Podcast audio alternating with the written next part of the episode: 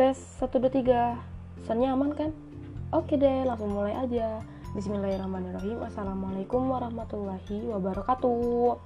Kembali lagi di episode 6 Ini nih udah mau nyampe ke uh, ujung-ujung ya. Udah mau selesai gitu pembahasannya. Jadi langsung aja ya.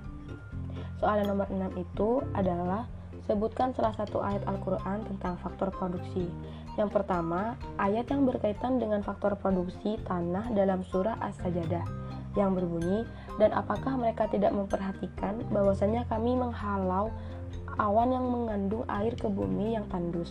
Lalu kami tumbuhkan dengan air hujan itu tanaman yang daripadanya makan hewan ternak mereka dan mereka sendiri. Maka apakah mereka tidak memperhatikan?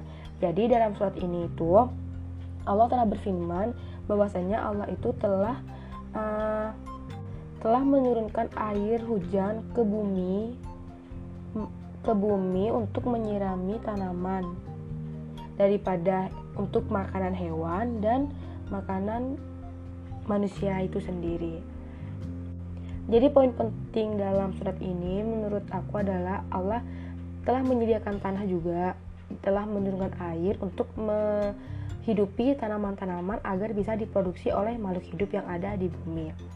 Uh, lanjut ayat yang kedua yaitu ayat yang berkaitan dengan faktor produksi tenaga kerja dalam surah Hud yang artinya dan kepada Samud kami utus saudara mereka Soleh.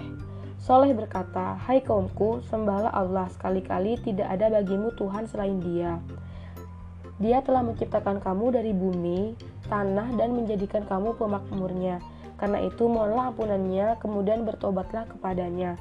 Sesungguhnya Tuhanku amat dekat rahmatnya lagi memperkenankan doa hambanya. Ayat yang ketiga yaitu ayat yang berkaitan dengan faktor produksi modal dalam surah Al-Baqarah ayat 272 yang artinya bukanlah kewajibanmu menjadikan mereka mendapat petunjuk akan tetapi Allah lah yang memberi petunjuk atau memberi taufik siapa yang dikehendakinya dan apa saja harta yang baik yang kamu nafkahkan di jalan Allah maka pahalanya itu untuk kamu sendiri. Dan janganlah kamu membelanjakan sesuatu melainkan karena mencari keridhaan Allah. Dan apa saja harta yang baik yang kamu nafkahkan, niscaya kamu akan diberi pahalanya dengan cukup. Sedang kamu sedikit pun tidak akan dianiaya atau dirugikan. Nah, jadi itu salah satu dari beberapa oh bukan bukan salah satu, salah tiga dari beberapa surat Al-Qur'an yang menjelaskan tentang faktor produksi ya. Insya Allah udah paham kan ya kalian Oke deh, terima kasih sudah mendengarkan. Jangan lupa terus simak podcast aku selanjutnya karena ini podcast sebelum podcast selanjutnya adalah dua podcast episode terakhir dari pembahasan uh, kali ini. Terima kasih. Wassalamualaikum warahmatullahi wabarakatuh.